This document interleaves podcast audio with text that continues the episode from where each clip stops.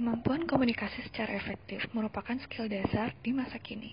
Tentu saja, termasuk untuk para senator yang berperan sebagai perwakilan dan perpanjangan tangan lembaganya masing-masing. Ketersampaian ucapan kita adalah hal yang perlu diperhatikan.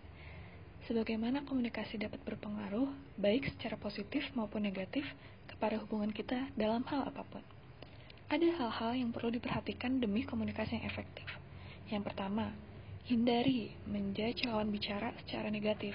Contohnya, kalian kan gak ngerti tentang hal ini, bla bla bla. Yang kedua, dengarkan, perhatikan lawan bicara kalian. Misalnya, jangan kalian sambil bermain HP, memalingkan mata, dan lainnya. Contohnya, jika kamu membuat suatu forum, dan kamu berdiri di depan, baik sedang berbicara ataupun tidak, tatap mata audiens kalian satu-satu. Meski tidak semua, tapi lakukan secara merata Hal ini menunjukkan kamu juga memperhatikan mereka. Yang selanjutnya, hindari penggunaan bahasa tingkat tinggi. Tidak semua orang paham istilah-istilah yang kamu gunakan. Daripada dalam bicara kamu tidak mengerti dan pesannya malah nggak sampai, gunakanlah istilah yang umum. Yang keempat, pahami situasi dan perasaan lawan bicara. Coba posisikan dirimu di posisi mereka. Gimana sih cara pandangnya? Cocok nggak ya dijelasin kayak gini? Yang kelima, Komunikasi nonverbal. Kita menerjemahkan informasi dengan kata, gestur, dan body language. Perhatikan bagaimana ton suaramu, kontak mata, ekspresi wajah, jeda dalam bicara, gestur tangan, lengan, dan bahkan kaki.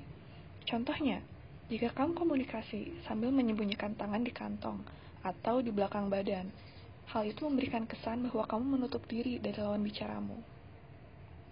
Yang keenam, cobalah bertanya Memberikan pertanyaan menunjukkan bahwa kamu tertarik pada perbincangan kalian.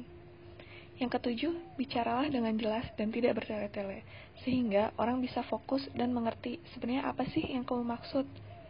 Yang kedelapan, untuk memastikan kamu mendengarkan dengan benar, kamu bisa melakukan klarifikasi dan merangkum apa yang diucapkan lawan bicaramu.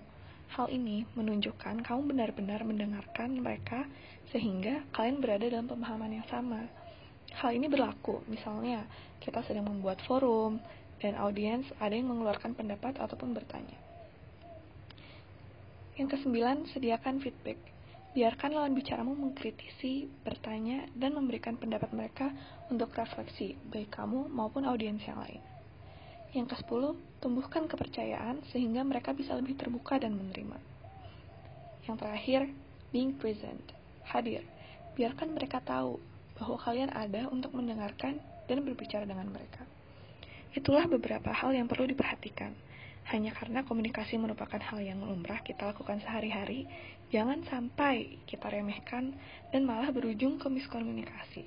Hingga akhirnya ada informasi yang tidak tersampaikan baik dari maupun ke masa himpunan, terutama juga untuk koordinasi kepada yang lainnya, seperti kepada MUAWM maupun Kabinet KMITB.